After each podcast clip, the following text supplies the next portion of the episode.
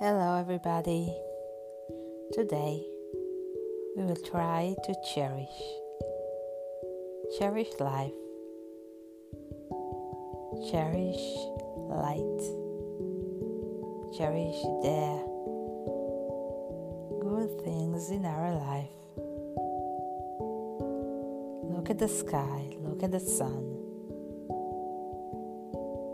Thank God Thank your family. Look always on the bright side of life. Cherish every moment.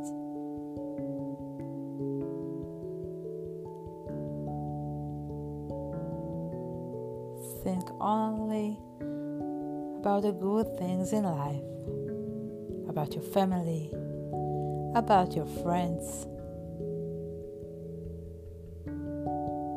about your day routine.